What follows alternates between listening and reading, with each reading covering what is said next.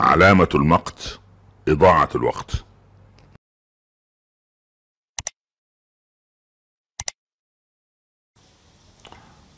أحمد الله رب العالمين وأصلي وأسلم على سيدنا رسول الله صلى الله عليه وسلم. ثم أما بعد أحبتي بالله السلام عليكم ورحمة الله تعالى وبركاته. وبعد آه قد ينسى كثير من المسلمين تاريخهم الهجري عندما هجم عليهم التاريخ الميلادي الذي ينسب بمولد سيدنا عيسى المسيح عليه وعلى نبينا الصلاه والسلام وهذا التاريخ من مولد سيدنا عيسى براء يعني بريئا سيدنا عيسى ولد في الصيف كما قيل لمريم وهزي إليك بجذع النخلة تساقط عليك رطبا جنيا والرطب لا تنزل في يناير ولا فبراير. هذا أمر.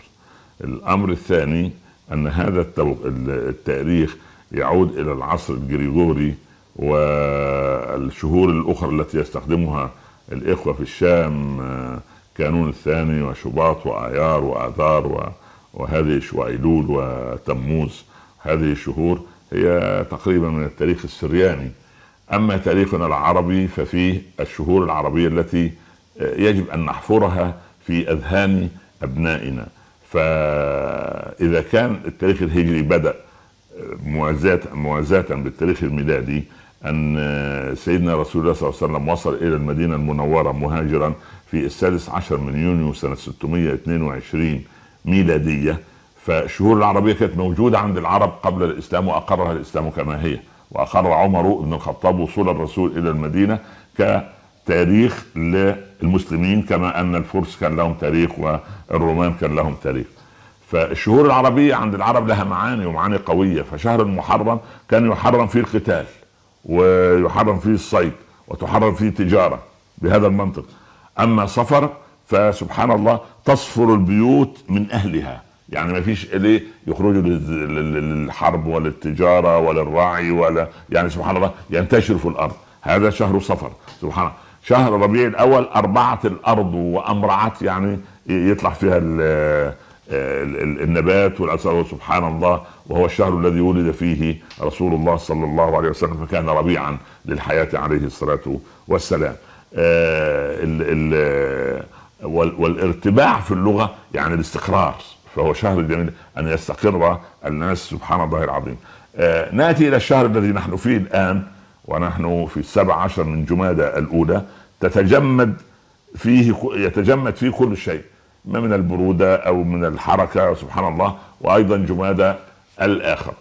ما نقولش جمادى الثاني لأن إذا قلنا الثاني يبقى الثالث والرابع ومفيش إلا اثنين بس. ثم يأتي كان أيضا شهر ربيع الأول وربيع الثاني نفس القضية ما فيش ربيع الثاني ربيع الآخر يعني خلاص يعني ربيع الآخر يعني الآخر يعني هو ربيع واحد وربيع اثنين. وجمادى أولى وجمادى الآخرة خلاص. إذا قلنا جمادى يبقى الآخرة. يعني سبحان الله. وبعدين يأتي شهر رجب.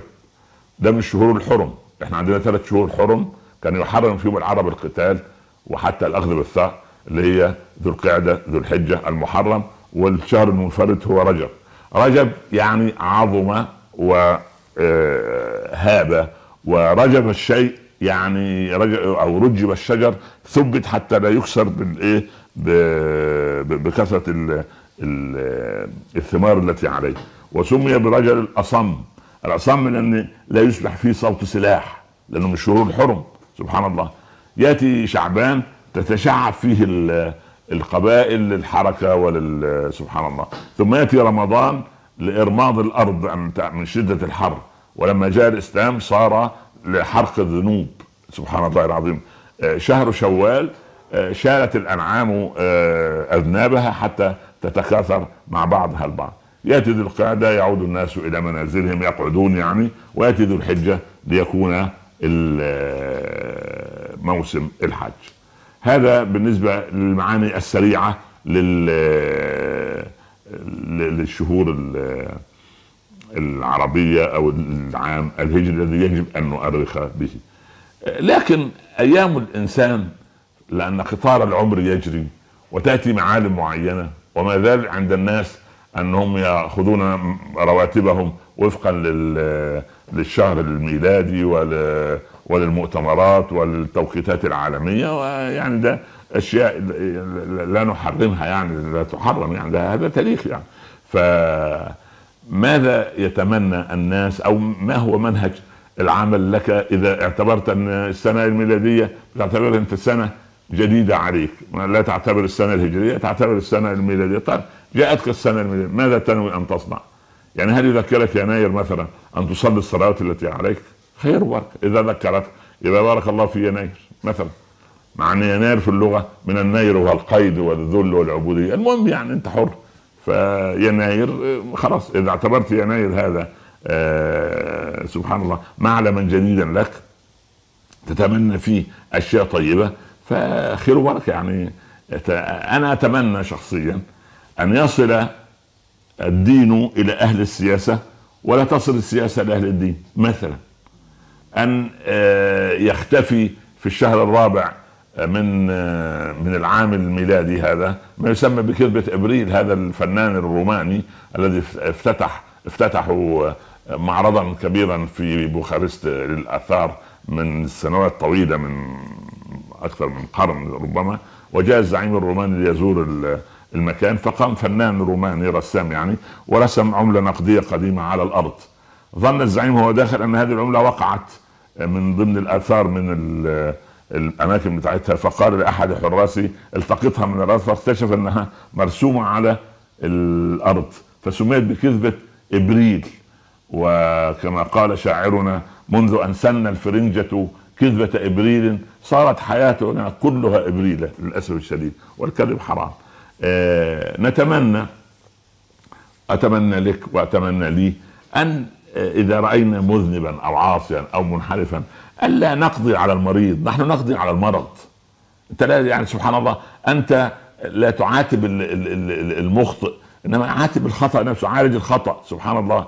فأنت كما يقولون نبيع القرود ونشتم من يشتريها. لا لا, لا. ولا تعود حليمة إلى عادتها القديمة.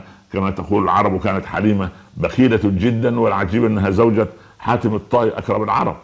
وعشان يضحك عليها ويخليها كريمة زيه قال لها من أكثر السمنة أو السمن في في الطبخ يزيد عمره ففرحت.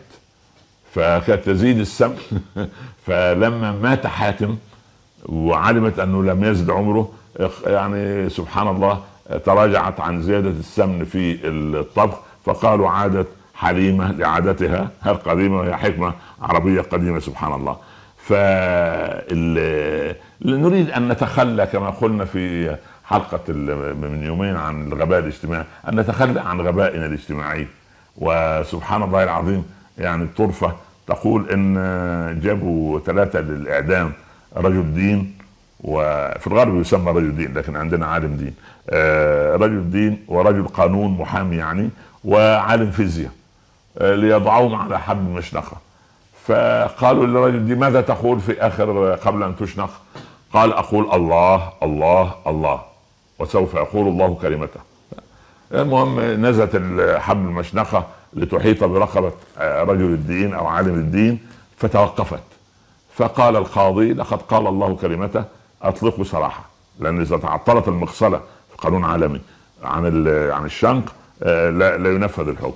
ثم جاء المحامي قال أنا لا أعرف كما يعرف رجل الدين. وإن آه إنما أقول العدل العدل العدل. نزل حبل المشنقة قبل راسي بثواني وتوقف. قال لقد قال العدل كلمته فأطلقوا صراحة جاء عالم الفيزياء. تريد أن تقول كلمة؟ قال نعم أنا بمثابة علمي لست رجل دين ولست آه يعني محاميا أو قاضيا أو قانونيا وإنما هناك عقدة في المغسله لو فكت لنزلت وشنقت فكوا العقدة وشنقوه. أحيانا السكوت يكون إيه؟ من كثر كلامه كثرت اثامه فيا ريت في العام الجديد نقلل كلامنا. يعني سبحان الله لا داعي يعني سبحان الله العظيم كما نقلل كلامنا ونقلل كذبنا على بعضنا البعض. وكان شكسبير يقول إذا كنت صادقا فلماذا القسم؟ والقرآن يقول ولا تجعلوا الله عرضة لأيمانكم. كمان يعني نحن نؤيد من نحبه. ونعارض أو نعادي بشدة من نبغضه. فالأم تحب ابنتها حبا شديدا فإذا آذاها زوجها بحق من حقوقه ثارت الدنيا قامت ولم تقم وإذا قام ابنها بظلم زوجته آه، هذا عدل هذا إنسان يمارس رجولته. سبحان الله الإفراط في الحب يغرق. يعني سبحان الله ولما قرد آه، أنثى القرد آه، أنجبت قردين. قرد كانت تحب حبا جما والقرد الثاني تكرهه. يمكن ده طالع لأعمامه والثاني طالع لأخواله ولا شيء مش عارف السبب.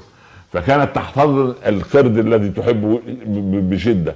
فمرة احتضنته بعنف خرجت روحه. وعاش الذي كانت تبغضه. فالحب الخانق مصيبة. يعني فك عن الأولاد شوية لما ابنك يجي يريد أن يتزوج بفلانة فكي له الخيط شوية الله يرضى عليك. بلاش حبل المشنقة مش هو يبقى هو وابوه لا فكيه خليه خليه يتزوج الله يرضى عليك خليه يفك من وشك من, من الآخر يعني. آه. وأنت يا أبا أبو فلان الله يرضى عليك. لو البنت قبلت أن تتزوج من فلان وافق لها. يعني في داعي سبحان الله العظيم. أنا أريد أن أقول ال ال ال ال يرد أيضا في, في هذا العام يرد بعضنا غيبة بعض.